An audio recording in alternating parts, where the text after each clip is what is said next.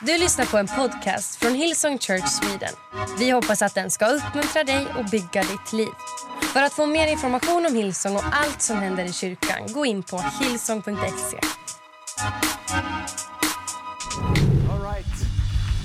Tack, tack Ellen. Underbart. Jag känner att eh, jag har gått tillbaks till eh, eh talarstol. Det känns lite mer riktigt. Jag försöker få dem att bygga ett stort eh, sånt här riktigt ornament som man hade förr. Där talarstolen var liksom centerpisen av alla sångare fick jobba runt den lite så här och ordet var i centrum. Så här stor som inte går att flytta på riktigt som skulle bygga. Jag ska be Mackan snickra ihop någonting i ek som väger ordentligt. Ni har inte vuxit upp i en sån kyrka antar jag. Jag växte upp där flyttar man inte talarstolen, det kan jag säga dig. Det var förenat med, jag höll säga uteslutning, men kanske inte det. Men, men äh, kul att ha Ebba här, Fantastisk. Är vår låtsasledare, en av våra äh, leder vårt äh, kreativa arbete i Göteborg. Hälsning Göteborg, well done. Och hon är ju inte från Göteborg, hon är ju från Guds epicentrum, Skaraborg, från Skövde. Du vet, jag vet inte vad Gud tänkte när han gjorde Sverige, men det är något som han gillar med, med Skaraborg, det måste jag säga. Alltså det, det känns, det bara är lite, lite, lite starkare.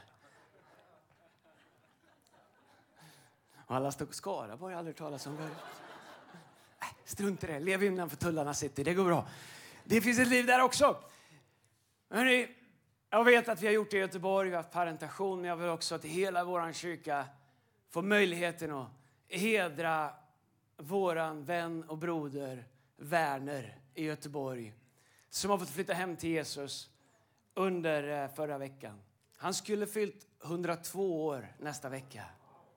Vår äldsta medlem. Vår äldsta bedjare. Han har blivit befordrad hem till Jesus in i härligheten. Och eh, vi ska se om vi kan klippa ihop något framöver. Vi hade med honom på någon film för ett tag sedan när vi pratade om uh, det vi drömmer om att göra. Det fina med Werner var att han var, han var, om det var Jesus och om det var uh, fullt av liv, då var han med. Och uh, Han har varit med och byggt kyrkan i Göteborg. Och alla ni i Göteborg där, jag vet hur kär han har varit i er. Och, och, och är fortsatt såklart, men tänk vilket liv. Uh? Få flytta hem till Jesus, sätta sina avtryck. Jag tänker det bästa vi kan göra för att hedra värder och de, Werner och de som går före det är att fortsätta leva det liv som de gjorde. Amen. Nu är det vi. Nu tar vi facklan i Jesu namn. Amen.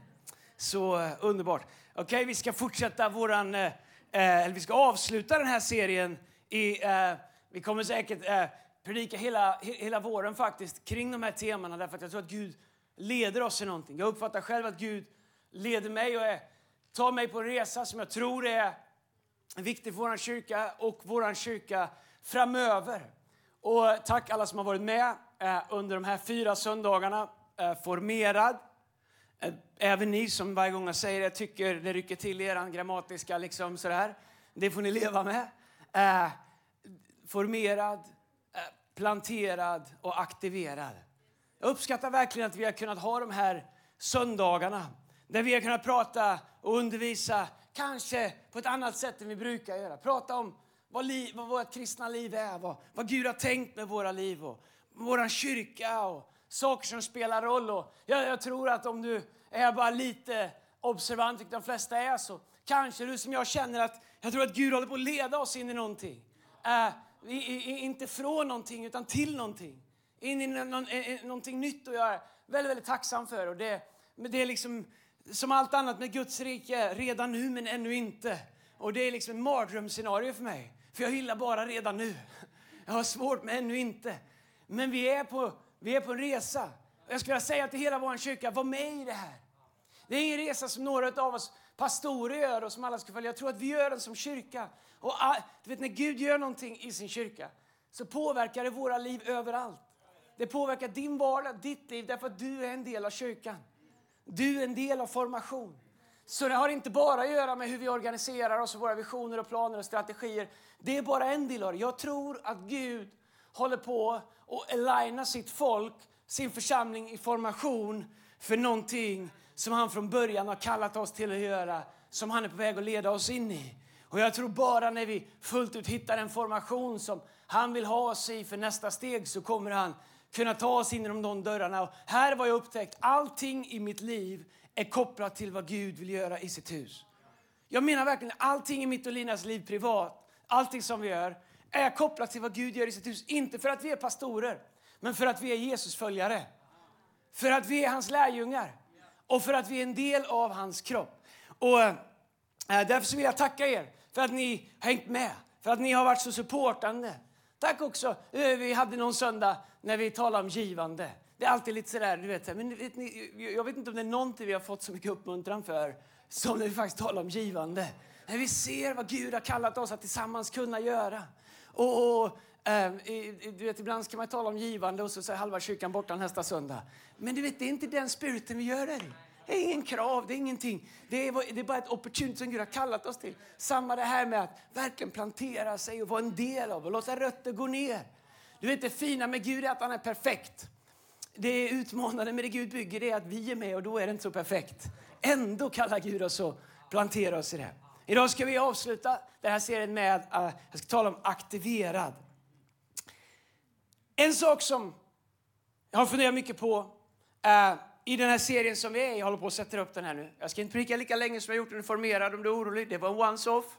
Vi är tillbaks till vanliga evangelistiska eh, predikningar eh, alldeles strax. Eh, vet, det här med att vi går lite djupare och försöker höra vad Gud säger, vad Anden säger till församlingen. Vi räknar ju allt i den här kyrkan, eh, därför att alla räknas. Vi räknar hur många som är med i Connect-gruppen, vi räknar hur många som är på mötet, vi räknar hur många som är på ljud, vi räknar på hur mycket vi samlar in, vi, räknar, vet, vi har budgetar, vi räknar allting. Man tänker, varför räknas allting? Varför allting räknas? Eh, därför att varje siffra är en människa, eller hur? Jesus lämnar de 99 för att söka efter en som har gått för, eh, är förlorad. Hur visste han att en var förlorad? För han räknar dem. Varför räknar han dem? Därför att alla spelar roll. Alla är viktiga. Men vet du vad som är intressant med församling? Uh, jag bara säger det här nu, jag har det bra. Runda lite grann här, jag tänker på er som är online. Eh, det kan ni göra där inne, men sänk inte för mycket här, för det är gött. Men eh, Gud räknar inte sin församling eh, så mycket på ett sätt. Utan Bibeln säger att Gud väger sin församling. Styrkan av en kyrka, eller framgången av en kyrka, är inte först och främst hur, vi, hur mycket vi kan räkna den till. Faktum är det att Gud han väger sin kyrka. Han tittar på weighten av sin kyrka mer än storleken av sin kyrka. Att vi blir många är inte i sig själv ett framgång, eller ett, ett tecken på att vi är eller gör det Gud har kallat oss till. Men när Gud väger oss som församling och känner att det finns weight, det är det som Gud tittar på. Därför har det varit min bön under den här serien som vi har haft med formerad, planterad och aktivera Att vi skulle växa i den weight som Gud vill lägga på en församling. Att ju djupare våra rötter går, ju högre kan vi växa. Det här är inget numbers game, it's a weight game. Gud vill att vi ska växa till och bära ännu mer av hans uppdrag och hans ande. Det betyder inte att vi inte räknar, att vi inte vill växa därför att vi vill ge att Guds vilja är att alla människor ska bli frälsta och komma insikt och komma insikt i sanningen. Men jag vill säga det, så jag vill tacka er church att ni har varit med och att ni fortsätter det med. Låt oss fortsätta att söka Gud och se vad Gud leder oss in i. Jag tycker att det är väldigt, väldigt spännande. Jag brukar alltid veta exakt vart vi ska och nu så vet jag inte exakt, men jag, vet, jag tror att jag vet vad Gud vill att vi ska bli. Och mitt fokus den här våren, det är på vad jag tror att Gud vill att vi ska bli. Och jag tror att Gud kommer leda oss i allting till, som vi ska göra med det. Aktiverad, praise the Lord!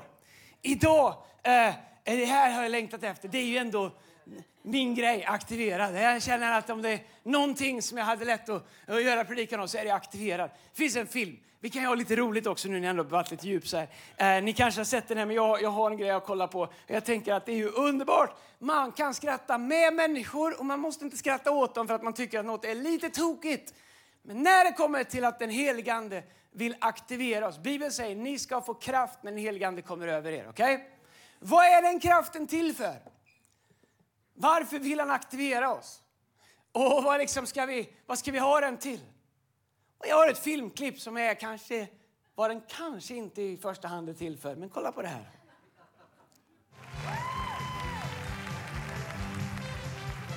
China? Yes, sir. Carney did okay. She got 184. China, you need 16 points to win. I'm going to ask you the same five questions you Hold on. do. Okay. Holy Spirit, activate. Oh, no. Holy Oh, no. Spirit, Oh, no. activate. Holy Spirit, activate. Activate. Activate. All right, let's go. 11 years has never happened before. Right, right, exactly. Holy Spirit, activate. Holy Spirit. Activate. I said, okay. Activate.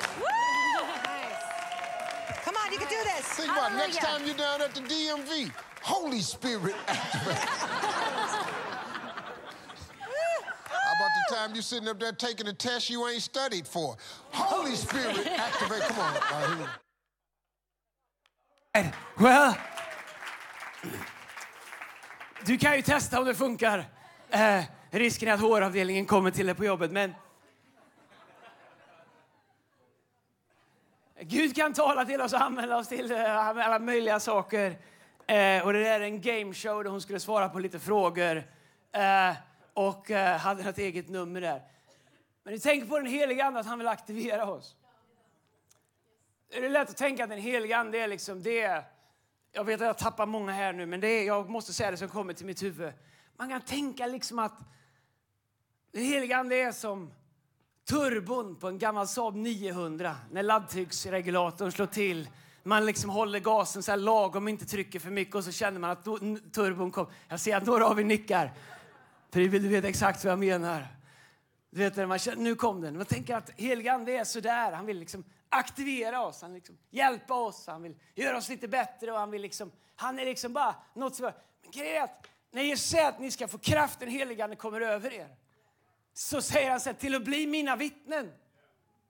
Gud vill aktivera oss till att leva det liv som vi är födda till att leva. Och när vi lever det liv som vi är födda till att leva så kommer det livet göra med oss och ta oss till platser som vi aldrig kunnat drömma om. För att Gud har en plan med våra liv och vill använda oss där. Kraften är för uppdraget. Men uppdraget och dess kraft kommer också samtidigt bygga våra liv. Det är bara viktigt för oss att vi förstår vad som är häst och vad som är kärra. Jag inser att jag har väldigt många gamla liknelser här. Det betyder vad som kommer först. Jag såg dem i ljud som har vaknat till häst och kärra. Du har ett uppdrag från Gud. Och du har ett mission ifrån Gud. Och du måste veta vad du ska ha kraften till. I psalm 139, vi ska bara se hur länge jag på mig innan potatisarna kokar över för er hemma. Psalm 139, vers 13 så står det så här. Är ni med? Kan jag köra på lite idag? Så håller vi det fokuserat. Psalm 139, vers 13. Du har skapat mina njurar. Du vävde mig. Njurar förresten är en bild i Bibeln som används för det innersta, där, där, där livet kommer ifrån. Eh, därför som det renar blodet så är njurarna liksom, det är inte bara så att liksom David valde en, en liksom valfri inre organ och så tog han njurarna. Njurarna spelar roll i kontexten, men släpp det, de är viktiga. Du har skapat mina njurar, du vävde mig i moderlivet. Jag tackar dig för att jag är så underbart skapad. När sa du det om dig själv sist? Underbara är dina verk. Min själ vet det så väl. Benen i min kropp var inte osynliga för dig när jag formades i det fördolda, när jag bildades i jordens djup. Lyssna. Dina ögon såg mig när jag bara var ett foster. Faktum är att grundtexten säger när jag var ett outvecklat foster. Redan då är Gud med och där börjar livet. Alla mina dagar blev skrivna i din bok. Formade, formerade, innan någon av dem hade kommit. Men lyssna, jag är inte predestination eller kalvinist. Jag säger bara vad Bibeln säger.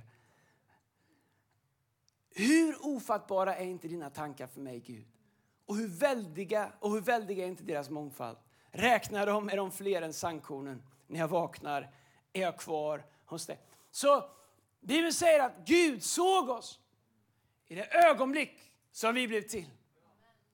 Att han formade oss och formade vårt liv, vår framtid i det ögonblicket som vi blev till. Och att han skrev ner, alltså såg framåt, alla våra dagar i hans bok. Gud har skapat dig. Gud har utrustat dig.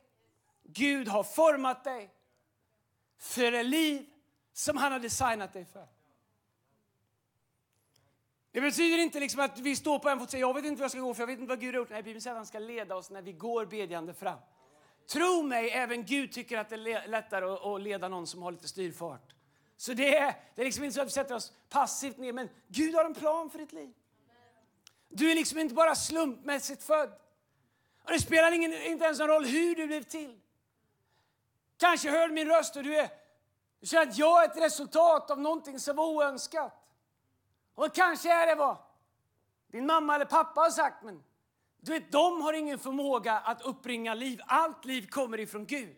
Så oavsett omständigheterna i befruktelseögonblicket så var Gud där.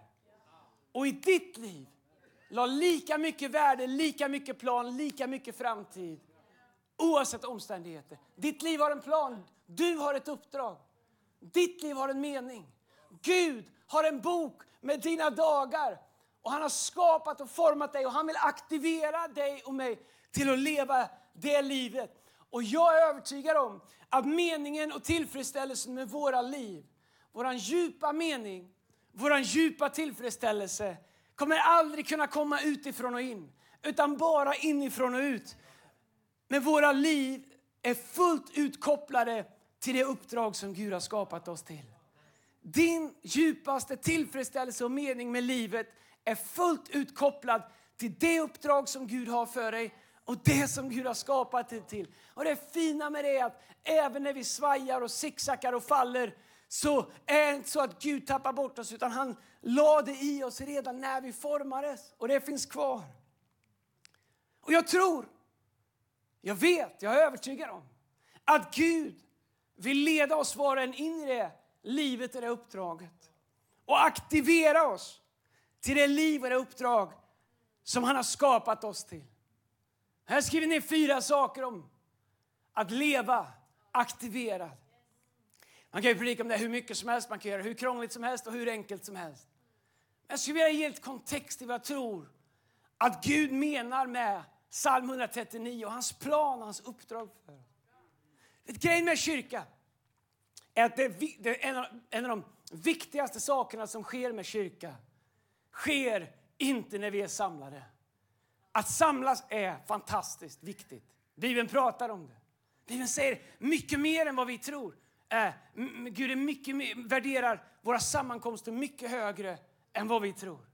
Vi får kämpa med, eh, och, och det säger jag inte om du nu är hemma och tittar på online och tänker oh, nu tycker jag jag skulle varit där. Jag tycker ingenting, det är mellan dig och Gud.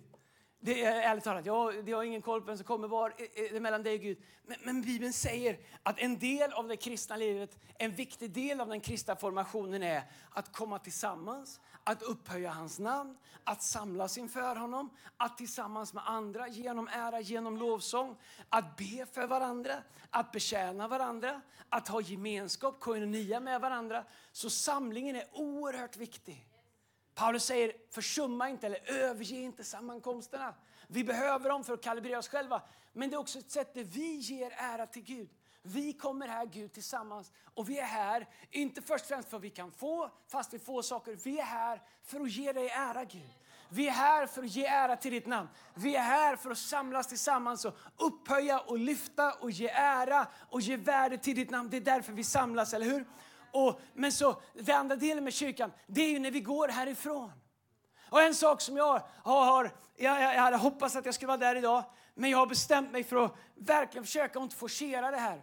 Men jag tror att Gud kommer göra spännande i vår kyrka under våren. Samlingen, hör vad jag säger, den är så viktig. Att samla den är mycket viktigare än vad vi tror att den är. Jag önskar att vi verkligen skulle förstå kraften och djupet i att samlas inför hans namn. Att det liksom inte är, och så har jag det, och så har jag det, och så har jag det, och så har jag det, och så har jag kyrka. Det här är något helt annat.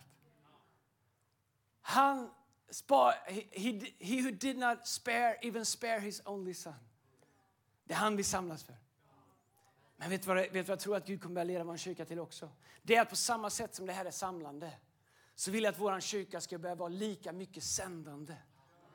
Att det här är den viktigaste stunden på hela veckan när vi är inför Gud och Gud sänder oss ut tillbaks till våra vardag, tillbaks till våra jobb, till våra skolor, till våra familjer, till våra bostadsföreningar, till våra fotbollsklubbar, till allting som vi gör. Att vi inte bara samlas med ett syfte, utan att vi också sänds med ett syfte. Och faktum är att jag håller på, ja, amen, come on några, ni vet hur man gör.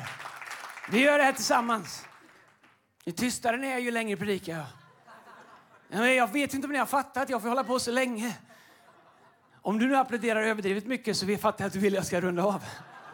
Men någonstans däremellan, ni kan ju ge någon signal att ni är med någon Jag ska. Men vet ni, eh, jag håller på att skriva en bön, på en bön. Som jag vill att vår kyrka, inte idag, ska be under en tid framöver i avslutet av varje möte. Vi kommer från och med om någon söndag eller två avsluta varje gudstjänst varje söndag alla våra campusar med att tillsammans be en commissioningbön, en sändningsbön. Där vi låter Gud sända oss ut där vi är någonstans. Därför att kraften att vara aktiverad, anden, den är för att kunna upphöja lovsjunga Gud, men den är också för att kunna göra hans gärningar och leva det liv som Gud har kallat oss till. I Jesu namn. Okej, okay, fyra saker om att vara aktiverad. Är ni med? Vi kör ändå. Uh, nummer ett, lev med intention. Det här skulle vi kunna ha fyra söndagar om. Och det kanske blir om inte jag skyndar på här. Men lev med intention. Får ställa dig en fråga. Hur mycket av ditt liv är intention? Och hur mycket av ditt liv är att hantera det som blir och det som kommer? Jag inser att livet är en blandning. Men hur mycket av dina val, hur du formar ditt liv, hur du bygger ditt liv, vilka val du gör, vilka prioriteringar du gör, är utifrån intention Baserat på det faktum att psalm 139 säger att Gud har ett uppdrag för Han formar ditt liv. Han såg dina dagar innan du kom. Vet du, ett liv som är aktiverat är ett liv med intention. Det gör att vi leder våra liv och vi lever och leder våra liv utifrån en intention. Eller hur? Om du tränar för att åka Vasalopp som folk håller på med fortfarande. Det gjorde jag för länge sedan. Jag fattar inte att folk fortfarande håller på. Men det är roligt. Nej, det är kul. Du vet så här, du kan inte göra som jag gjorde. Jag åkte inte med intention. Eller jag fattar jag var bara pucko. Det kan du säga för jag säger det om mig själv. Jag tog upp skidorna ur kartongen på morgonen när jag skulle åka nya. Visste inget om valla och ingenting. Fick på mig dem där och åkte ut i spåret ovallat. Och gamla gubbar på 90 bast flög förbi mig. Blev omkörd av tanter på 80 år. Det är säkert. Det kom två höggravida kvinnor och körde om mig i en backe. Det är sant, för de kunde åka skidor.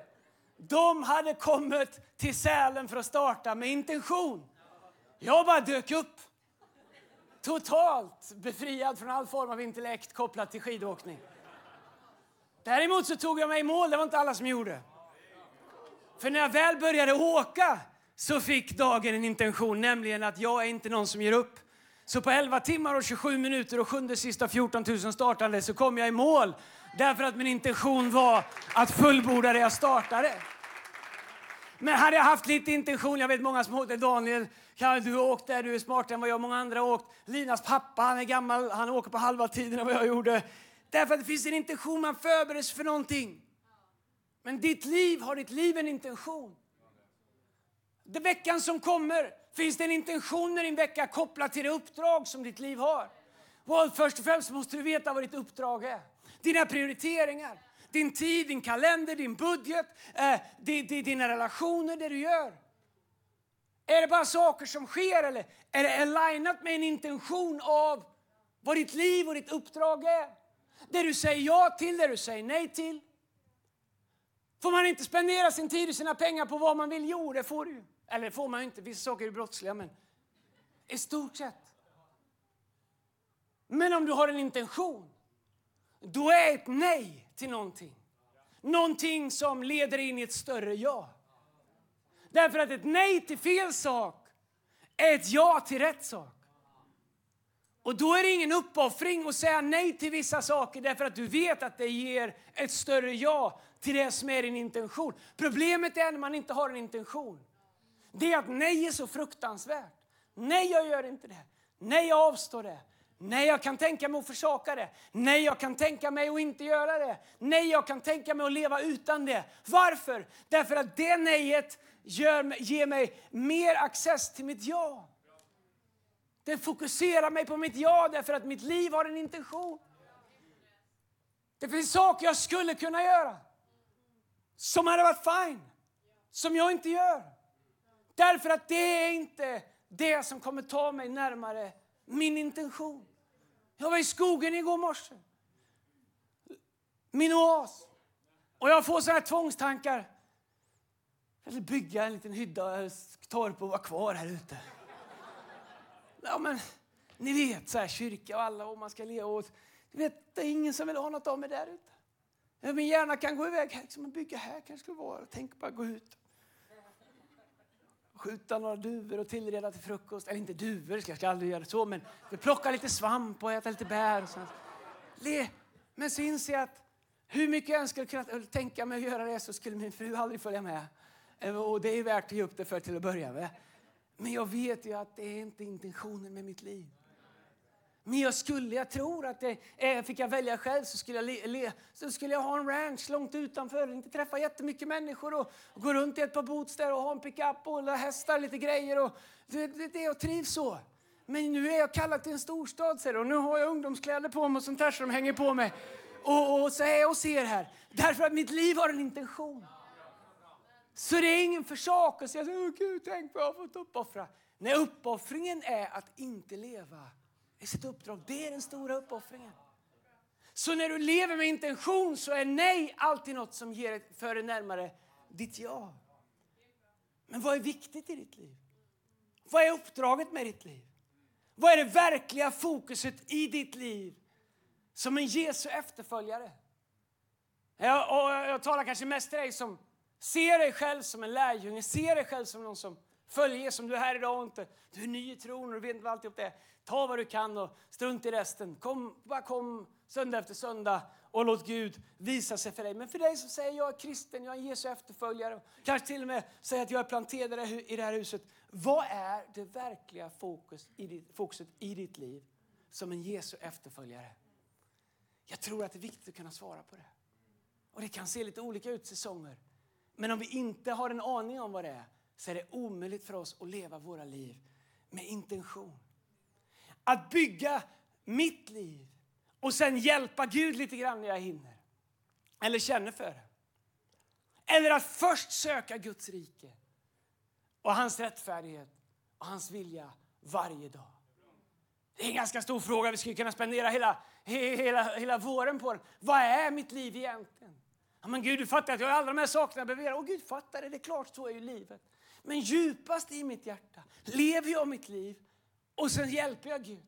Eller jag ställer upp för Gud och hans vad han håller på med. Eller hans, de han kom för att nå.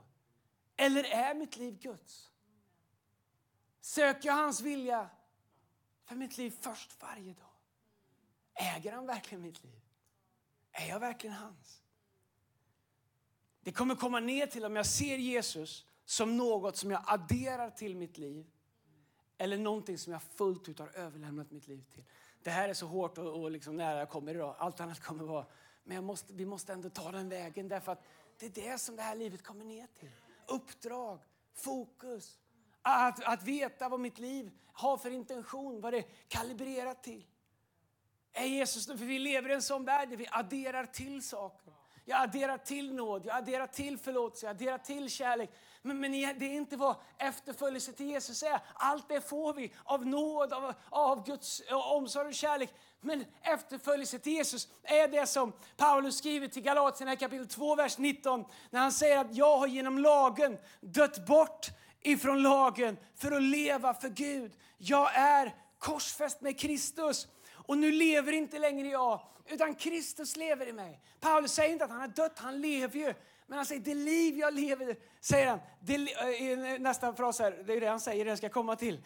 Och det liv jag nu lever i min kropp, det lever jag i tron på Guds son som har älskat mig och utgett sig för mig. Och hör länge att vi läser det där, nu lever inte längre jag utan Kristus lever mig. Du vet, det är ett så stort statement så att jag vet knappt om jag kan säga det. Det gör så stora anspråk på mitt liv att nu lever inte längre jag. Utan Kristus lever i mig. Det betyder att allt jag har är överlämnat till honom. Vet du vad det fina är? Allt han har är överlämnat till mig. Och jag vinner. För han har mycket mer att överlämna till mig än vad jag har överlämnat till honom. Tänk om vi vaknade varje dag med den här bönen. Mitt liv och den här dagen tillhör dig. Hur vill du använda mig idag? Tänk vi skulle ta bara veckan som kommer, hela vår kyrka. Göteborg, Malmö, Jönköping, Örebro och city. Tänk om vi bara sju dagar. Jag kan bara säga hur fantastiskt det är våra team som jag hoppas du upptäckt det. Under hela den här serien som vi har haft har det gjorts en bibelläsningsplan.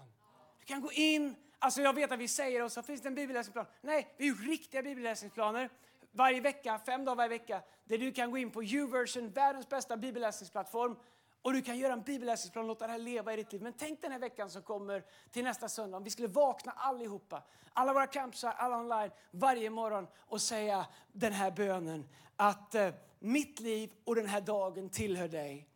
Hur vill du använda mig idag? Tänk om vi skulle testa en vecka.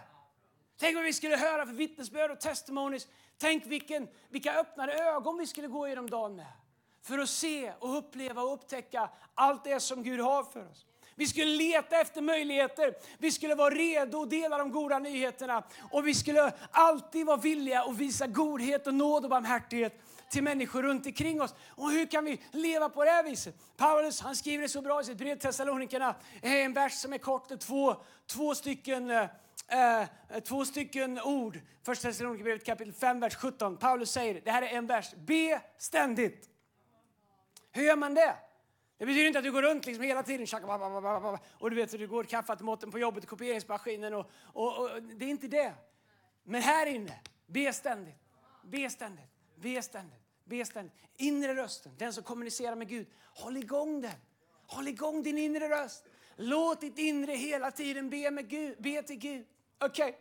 när du går in i ett möte, be ständigt. När du går in på en lektion, be ständigt. När du, när, du, när, när du tar emot, eh, du som jobbar på en förskola, jag skrev dagis, sen kom jag på att det heter inte längre. Eh, du, när du tar emot någon, du jobbar där, du tar emot ett barn, en förälder som kommer, kom be ständigt. Kanske kan du ge ett ord av uppmuntran till en förälder som behöver det. Eller när du lämnar på förskola, be ständigt. Kanske kan du ge ett ord av uppmuntran till en annan förälder eller till någon som jobbar där. När du åker till Mos och snurrar runt där inne, om du nu tycker sånt är värt att kasta bort sitt liv på, det är de som gör det. Uh, jag har såna i min familj, eh, inte min fru, men uh, de som kommer efter, någon av dem, några av dem. Uh, och, och, när jag går dit så inser jag att, uh, följer med så inser jag att det finns många likadana. De går liksom roterar i cirklar här inne, jag vet inte vad de gör. Men be ständigt. Be on alert. Låt Gud använda dig. När du åker tunnelbana, var inte en av dem som sitter med huvudet ner i din... Så här liksom. Upp med blicken. Be ständigt. Gud, hur vill du använda mig idag? Kanske ska du säga någonting till någon som är här. Kanske ska du bara fira av ett leende. Tänk, det är det värsta man kan göra, kanske i Stockholm på tunnelbanan. Och de bara, vilket freak. Tänk att det mest provocerande och halvperversa man kan göra i Sverige nu för tiden det är att le mot någon på tunnelbanan som man inte känner. Ser inte glad ut. Fruktansvärt. Du ska le och så ska du bara hålla kvar leendet och blicken lite, lite för länge. Det kommer komma två vakter och slänga av det. Vad gjorde du? Jag log. Jag är hemskt ledsen. Det ska aldrig ske igen. Jag ska bli som vanligt, som alla. Come on, be ständigt. Det andra. Kalibrera ditt liv med ditt uppdrag. Kalibrera ditt liv med ditt uppdrag. David, han förberedde sig där ingen såg. Han vässade sin gåva varje dag när han var, vaktade sina fars får. Och vi ska inte gå in på det, jag har predikat om det så mycket. Men han var redo att bli använd av Gud när Gud behövde honom. Lyssna, det finns ett statement, det är på engelska men översatt till svenska. Framgång uppstår när möjlighet möter förberedelse. Success occurs When opportunity meets preparation. Det är för sent att börja preparation när opportunity presenterar sig själv. Super Bowl idag, come on somebody. Hur många har Chiefs? Fantastiskt. Det är min crowd. Ni andra ni kan bara lyssna. Men vad är det med i Super Bowl Sunday?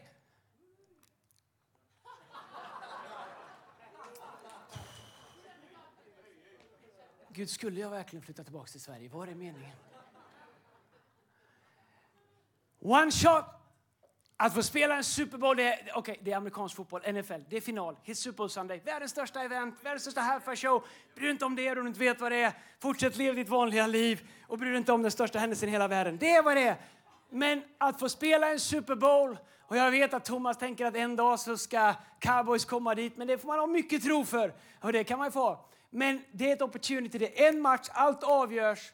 Vad är det som händer om du ska vinna? Opportunity meets preparation. Att kalibrera sitt liv med vårt uppdrag. Det är att se till att vi förbereder oss nu för de opportunities och möjligheter som Gud kommer ge oss längre fram. Världen mäter sin framgång utifrån success. Gud mäter vår framgång utifrån om vi uppfyller vårt uppdrag. Om vi är redo. David var redo när han steppade upp från Goliat. Därför att han hade förberett sig och kalibrerat sig där ingen så. Så när möjlighet mötte preparation, förberedelse, så hade han möjlighet att bli använd av Gud. De små sakerna vi gör varje dag, de små valen som kalibrerar våra liv, som kalibrerar vår energi, vår tid, vår ekonomi, våra, våra relationer. Är det in line med det uppdrag som Gud har för ditt liv? Din gåva och dina förmågor kommer från Gud och tillhör Gud. Och kan jag bara få säga med all kärlek jag har, någonting som kanske kan låta lite vast och är kanske, kanske skär lite nära. Det vi har i våra liv är från Gud och för Gud. Allt som är bra i mitt liv är från Gud och för Gud. Allt som inte är bra i mitt liv är från mig och orsakat av mig. Jag är skapad av Gud. Det tillhör honom. Det bästa sättet att upptäcka och använda våra gåvor är att tjäna Guds syften med det vi har. Då kommer vi upptäcka våra gåvor på alla områden av livet. Och jag tror att när du använder din gåva för det som Gud har kallat dig till så kommer din gåva också bygga ditt liv. Jag skulle utmana dig att inte tänka att hey, jag har gåvor, jag har talanger, de här sakerna. Jag ska bygga mitt liv, jag ska bygga min success, jag ska göra allt det. Och sen så ska jag använda det till att tjäna Gud. Jag tror att det är fel sätt att tänka. Använd dina gåvor som Gud har gett dig till att tjäna Gud. Det kan vara att bygga företag, det kan vara att gå i skola, det kan vara med, men se det som att jag använder det för att tjäna Gud. När du använder din gåva för Gud, när du ger den till Gud, när du gör den tillgänglig för Gud, när du inser att det inte är någonting som du äger utan något som du förvaltar, då kommer den gåvan också bygga ditt liv. Men istället var 100% fokusera på hur du kan använda dina gåvor för att bygga ditt liv och sen hjälpa Gud. Använd din gåva till att tjäna Gud och du kommer få se hur den gåvan bygger ditt liv. Lyssna, jag säger jag och Lina, vi har inte lagt mycket tid i våra liv på att bygga vårt liv. Det har liksom fått åka med av farten. Vi har lagt vår energi, allt vi har, på att bygga kyrkan. Men vi har sett Guds trofasthet. Hur Gud gör saker, hur Gud bygger det som är runt omkring och hur Gud skapar en helhet. Din gåva, när du ger den till Gud, den kommer att bygga ditt liv och du kommer få äta frukten av dess välsignelse om så länge du förstår att den är från Gud för ditt uppdrag, att du inte äger den. Så du vet så här, Gud han bryr sig mycket mer om eh, motiv än han bryr sig om förmåga och framgång. Gud är inte imponerad av våra CVn. Vi är imponerade av det. Gud är imponerad av om vi är kalibrerade med det som han skriver i psalm 39. Det, det uppdrag han har för oss, det han har skapat oss till. Gud är mer imponerad av någon som bor på en soptipp i Filippinerna, i Manila och hjälper människor där som du aldrig har talas om för att de är kallare än vad han är om jag är superframgångsrik i allting som världen mäter. Nej, jag säger inte att det ena är dåligt och det andra är bra. Jag säger bara att Gud är inte imponerad av vad vi kan göra. Han är imponerad av och mäter om vårt motiv är att tjäna honom och ära honom med allting som vi har. Och då kommer han också bygga våra liv. Gud bryr sig om motiv, inte vad vi åstadkommer. Vi kan bygga allt, världens största kyrka, men om det bara är för att säga hur bra vi är, kommer ändå inte ära Gud. För Gud bryr sig om motiv. Och det stora testet för oss, det kan Gud anförtro dig och mig. Välsignelse, promotion och uppmärksamhet. Skulle Gud kunna ge dig välsignelse? Skulle han kunna promota dig? Skulle han kunna ge dig uppmärksamhet? Och det skulle dra dig närmare honom. Han skulle bli mer förhärligad. Eller skulle det vara tvärtom? Och testet är om Gud gav dig eller mig allt det här. Vad skulle det göra i våra liv? Skulle det leda oss till att vi skulle säga jag har gjort. Stolta och högmodiga. Jag har lyckats med, jag har klarat, jag har byggt, jag har, jag har byggt det förut, jag har byggt den kyrkan, jag har gjort. Eller skulle det göra oss ännu ödmjukare och ännu mer beroende av Gud? För vi inser att inte genom människas styrka eller kraft har det här skett. Utan genom hans ande, genom hans gåva. Första Petrus kapitel 5, vers 6 så står det ödmjuka er därför under Guds mäktiga hand så kommer han att upphöja er när tiden är inne. Lämna alla bekymmer till honom för han tar hand om det. Bibeln säger att Gud är den som upphöjer. Psalm 75, vers 6-7 i den gamla engelska översättningen, King James version, som jag älskar. For promotion cometh... Come on somebody. Vad är min orgel? När man väl drar ut King James version så har de ingen orgel. For promotion cometh neither from east nor from the west nor from the south but God is the judge. He putteth down and he sitteth up another. Promotion doesn't come from east to the west. It comes from the Lord. Den promotion som vi är ute efter, den kommer från Gud. För att vi kalibrerar våra liv. Tredje, snabbt. Upptäck styrkan i formation. Vi pratar om att leva ett aktiverat liv. Upptäck styrkan av att vara i formation för ditt uppdrag, för ditt liv. Möt behov med att peka människor som du möter i ditt liv till någon i din formation som kan hjälpa dem. Vet du hur, hur bra det här är? Med Guds tanke att vi inte ska vara ensamma utan leva i formation. Det innebär att jag, jag möter människor hela tiden som jag försöker hjälpa eller som jag försöker betjäna och så inser jag, jag kan inte det. Men vet du vad jag har? Jag har formation. Så jag har, okej, okay, jag skulle behöva hjälp, jag vill hjälpa den här, jag kan inte det. Men jag har någon i min formation som jag kan koppla ihop med den här personen så att den kan få hjälp. Det innebär att jag kan göra en större skillnad än vad jag kan själv. Jag kan vara mer aktiverad för att det är inte, min begränsning är inte vad jag kan, klarar eller har utan min strength är i min formation. Att jag kan tänka, okej, okay, den personen skulle behöva träffa den personen. Det behovet måste vi göra någonting åt. Men jag klarar inte, kan inte, har inte kapacitet, har inte löst, jag har inte verktyg. Men jag känner någon som jag kan para ihop den med. Och när vi lever aktiverade och är i formation så är vi så mycket mer användbara.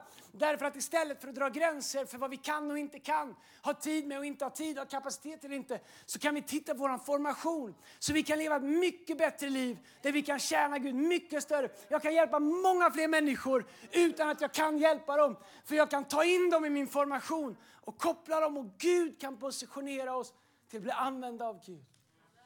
Sorry, jag ska inte hänga ut någon, men P.L. Cummings, eh, som vi alla känner, eh, en väldigt, väldigt god vän till mig, en av mina bästa vänner. Jag säger det bara för att kolla att han inte somnade. Han sitter längst bak, titta inte på honom. Jag gick till honom innan mötet och sa i vår kyrka behöver syndaren inte sitta långt bak. Han är en av mina bästa vänner. Det var skämt. Han är ingen syndare. Jag måste bara säga det. Stelt här inne. Ska vara i city nästa vecka. Nej, jag ska... Men låt mig få skryta om honom lite.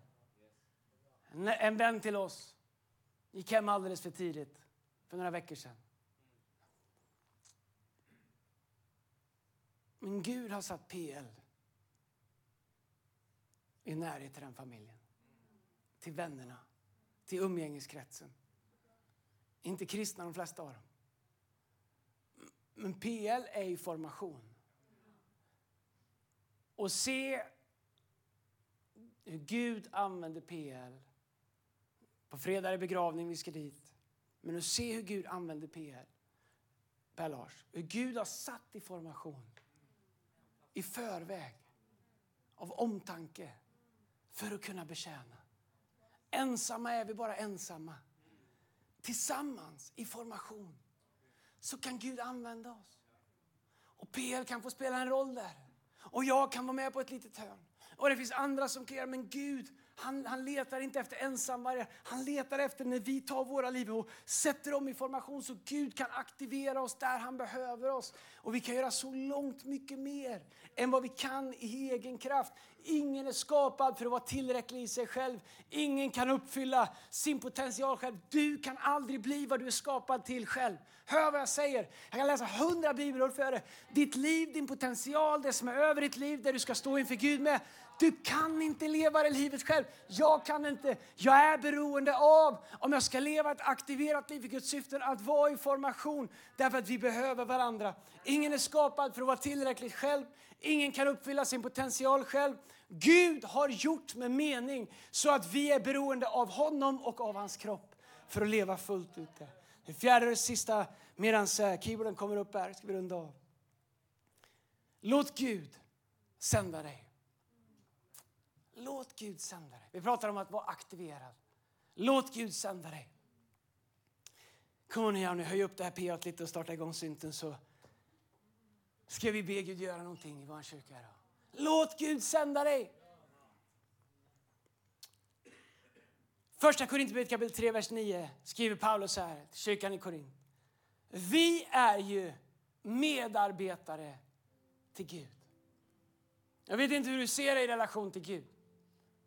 Hon tänker att Gud han är min livlina. Han är min, eh, vad heter sån boy, flytboy, räddningsboj. Gud han är liksom min, mitt lugn i stormen. Det är han. Men vet du, du är mycket mer än det. Du är en medarbetare till Gud. Du är en medarbetare till Gud. Du och jag, vi är medarbetare. Inte, han säger inte arbetare åt.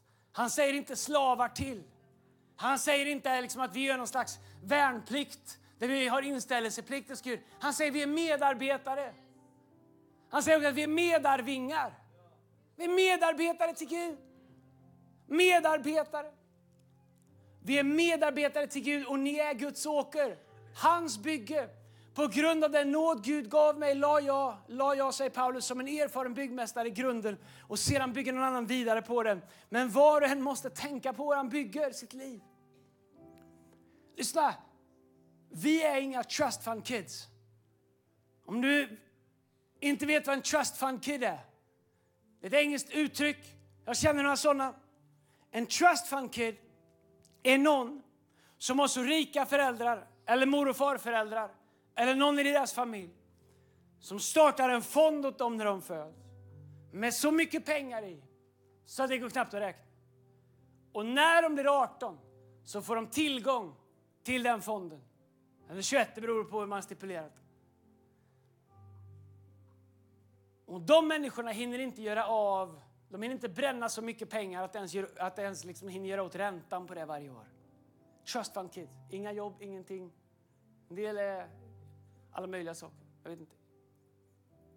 Celebrities, influencers, allt möjligt. Whatever.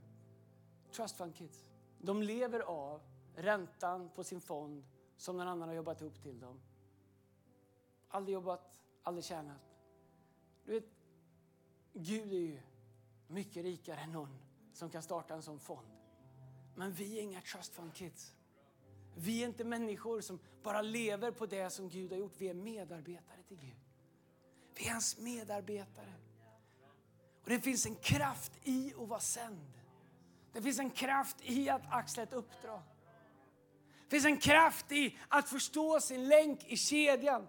Sänd är all skillnad. Om du går härifrån och tänker okej, okay, nu har jag gjort min plikt, nu har jag varit i kyrkan, hoppas Gud är nöjd. Då har du inte fattat. Du går härifrån sänd av Gud. Det är Gud har positionerat dig. Men du måste förstå kraften av sänd, att det kommer med Guds auktoritet. När du får en uppenbarelse om, om sänd, då kommer du få en uppenbarelse om allt du har i Kristus. Därför att sänd betyder att tillhöra något större. Att representera något större, att ha verktyg, auktoritet och styrka av något som är större än sig själv. Jag träffar lite ambassadörer här i Sverige. De är sända, de representerar någonting större än sig själv. Om du blir stoppad av polisen, vilket jag tack Jesus inte har blivit på många, många år när jag kör bil, så spelar det ingen roll vad jag tycker om dem. Därför att de är sända av Polismyndigheten för att göra saker och de har allt det med dig. Lyssna, du kan gå i egen kraft. Men du vet om jag börjar stoppa bilar här och där, vilket jag ibland tänker att jag borde få åka runt och in körkort för jag tycker att jag har en bra mall för hur folk borde köra. Men det får jag ju inte. Det är ingen som vill ge mig sitt körkort. För jag är inte sänd av någon. Mer än möjligtvis min egen hybris då. Men en polis är sänd. Om du lever ditt liv och inte har en uppenbarelse som sänd så lever du med för lite auktoritet, för lite kraft. Du representerar ett för litet rike. Och du kommer aldrig kunna leva potentialen av det Gud har tänkt med ditt liv. Men när du förstår och vi förstår som kyrka, Hillsong Sweden, kraften i sänd. Imorgon är det måndag, men det är mycket kvar den här dagen också. Vi kan gå härifrån sända av Kristus.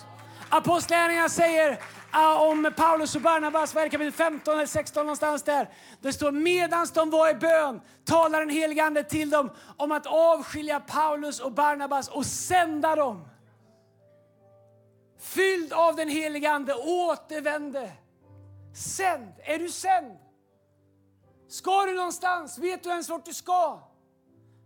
Är du sänd dit du ska eller är du bara på väg? Hej, Gud vill att vi ska leva sända, att vi ska ha mening med våra liv, att våra liv ska spela roll. Han vill att våra liv ska få sätta avtryck. Våra ofärdiga, bräckliga, ofullkomliga liv där vi tänker vad ska Gud göra med mig? Och det är inte på grund av hur bra du är, utan det är på grund av hur tillgänglig du är för att tjäna Gud. Att leva sänd är ett mindset på uppdrag av någon annan med längtan så att det skulle bli vår kyrka. Vi är de som är sända. Guds löfte om att bygga våra liv har alltid varit kopplat till hans mission. Guds mission är att synliggöra och etablera sitt rike här på jorden. Matteus 5 säger att vi är en stad på berget. Lukas 19 och 10 säger för människosonen har kommit för att söka upp och rädda det som var förlorat. Varje söndag kommer vi i formation för att utrustas och aktiveras för Guds uppdrag. Men tänk om, var, om varje söndag skulle vara den viktigaste och mest prioriterade stunden på veckan. Viktigaste stunden på hela veckan. Om vi levde liv där vi tänkte att jag kan inte missa en söndag. Jag kan inte missa ett möte. Jag fattar att man behöver göra det ibland. Men om vi levde med jag kan inte missa det. Därför att jag behöver bli sänd. Det söndagen är ett fokus på att samlas inför hans ansikte och sändas ut i alla olika delar av livet där vi är på uppdrag av Gud. Lovsångsteamet, om ni vill komma fram, så ska vi be tillsammans på alla våra camps i Göteborg, Malmö, och Jönköping, och Örebro, online. city, vart ni är, lyssna, stanna med mig. Motstå frestelsen och bara packa din handväska och tänka att nu är det klart. Det är det inte riktigt. Jag tror att Gud vill göra något i några människors liv här idag. Vi ska alldeles strax sjunga en lovsång. Och innan vi gör det så vill jag be. Och jag vill be för dig, be för vår kyrka. Och sen när vi sjunger lovsång så kommer vi på våra camps här öppna upp för förbön. Och komma fram hit, komma förbedjare. Och jag ska berätta varför jag vill att du som vill ha förbön ska komma fram. Men att vara sänd. Det är liksom aldrig timing att bli sänd, eller hur? Det är liksom aldrig ett bra läge i livet. Utan det är alltid, ja men jag måste fixa det, om jag måste få till det. Det är liksom aldrig bra läge att vara sänd. Det är alltid något med huset, eller med någon unge, eller med något jobb. Eller, men jag fattar, that's life. Men du vet, sänd är inte hur mycket tid du har. Sänd är att bestämma sig vart utgår mitt liv ifrån. Vem tillhör mitt liv? Vad är syftet med mitt liv? Ta en uppenbarelse som psalm 139. Att vad du än gör, vad dina händers verk än är och vi gör massa olika saker som Gud har kallat oss till och positionerat oss överallt i samhället. Så är jag sänd. Johannes kapitel 20, vers 19. Kom on, ska vi stå upp tillsammans på alla campusar? I Johannes kapitel 20, vers 19, lyssna på det här. Står det så här. Samma dag, den första dagen i veckan, samlades lärjungarna på kvällen bakom låsta dörrar av rädsla för judarna. Lärjungarna hade låst in sig. Då stod plötsligt Jesus mitt ibland dem och han sa till dem, frid åt er alla. Sen visade han dem sina händer och sin sida. Och lärjungarna gladde sig när de fick se Herren. Jesus sa till dem, frid åt er alla. Så som Fadern har sänt mig, sänder jag nu er. Sedan andades han på dem och han sa, ta emot den helige Ande. Jesus hade två intentioner med det han gjorde i våra liv. Det första var att säga till alla lärjungar där och i alla tider, som Fadern har sänt mig sänder jag er. Gud vill sända dig. Men så gör han det tydligt, han förstår att vi klarar inte det här i egen kraft. Att det är inte genom människas styrka, genom våran duktighet eller genom våran präktighet, utan han, han andas på dem och säger han, ta emot den helige Ande. Det går inte att vara sänd förutom i den helige Andes kraft. Och våra försök att leva upp till någon slags religiös plikt kommer bara skapa massa trötthet och missmod. Det är inte det jag pratar om. Jag pratar inte om någon religiös liksom, kämpa på, ta i och skärp dig och gör mer för Gud. Det är inte det jag pratar om. Jag pratar om att leva ett liv där jag är sänd av Gud. Jag är sänd av Kristus. Mitt liv har en mening. Mitt liv har ett syfte. Mina dagar spelar roll. Och jag är inte här i egen kraft. Jag representerar något större. Jag bär med mig något större. Därför att Jesus inte bara kallar oss till att bli sända, utan han sa ta emot den helige Ande. Och så andades han på oss. Vad skulle hända om vi lät oss fyllas med kraft? En del av oss vi behöver få möta den där anden som Jesus andades på lärjungarna. Få ny kraft för uppdraget. En del av oss vi kanske har haft så mycket att göra med olika saker att när jag än säger sänd så känner du, jag har ingen kraft att bli sänd. Men du förstår, Gud, han har kraft i sin ande för att ge dig allt vad du behöver. Det är inte genom vad du kan, utan det är genom vad du låter Gud göra i ditt liv. Och enda vägen in i det, det är det vi läste att Paulus skriver. Nu lever inte längre jag, utan Kristus lever i mig. Paulus han säger, det är inte så som att jag har fångat Kristus, utan Kristus har fångat mig. Paulus han säger att det liv jag nu lever, det lever jag för Kristus. Meningen med ditt liv, tillfredsställelsen med ditt liv, det vi vill leda våra barn i, det vi vill att Gud ska sända oss ut in. Vi behöver säga ja till att vara de som blir sända av Kristus. Men vi behöver låta oss fyllas av den helige Andes kraft. Du behöver bli fylld på nytt min vän. Du behöver låta den helige Ande få fylla dig. Du behöver låta den helige Ande få komma in och väcka liv i drömmar. På samma sätt som Bibeln säger i psalm 139 att när du formades i din mammas mage så var han där och han andade sin liv i dig. På samma sätt kan han andas sin liv i dig nu. Han kan andas, andas liv i din dröm, liv i din kallelse, liv i din väg. Han kan andas liv i din familj. Han kan andas liv i, i, din, i din ekonomi, dina omständigheter. Om du bara säger Herre, här är jag. Sänd mig! Fyll mig med din helige Ande. Visa mig mitt uppdrag. Sänd mig på rätta vägar för ditt namns skull. Sänd mig Herre. Fyll mig och sänd mig i Jesu Kristi Nazarens namn. Kom on, ska vi lovsjunga Gud? Ska vi sträcka oss mot honom? Som att vi sa Herre, här är jag. Herre, andas din helige Ande på oss.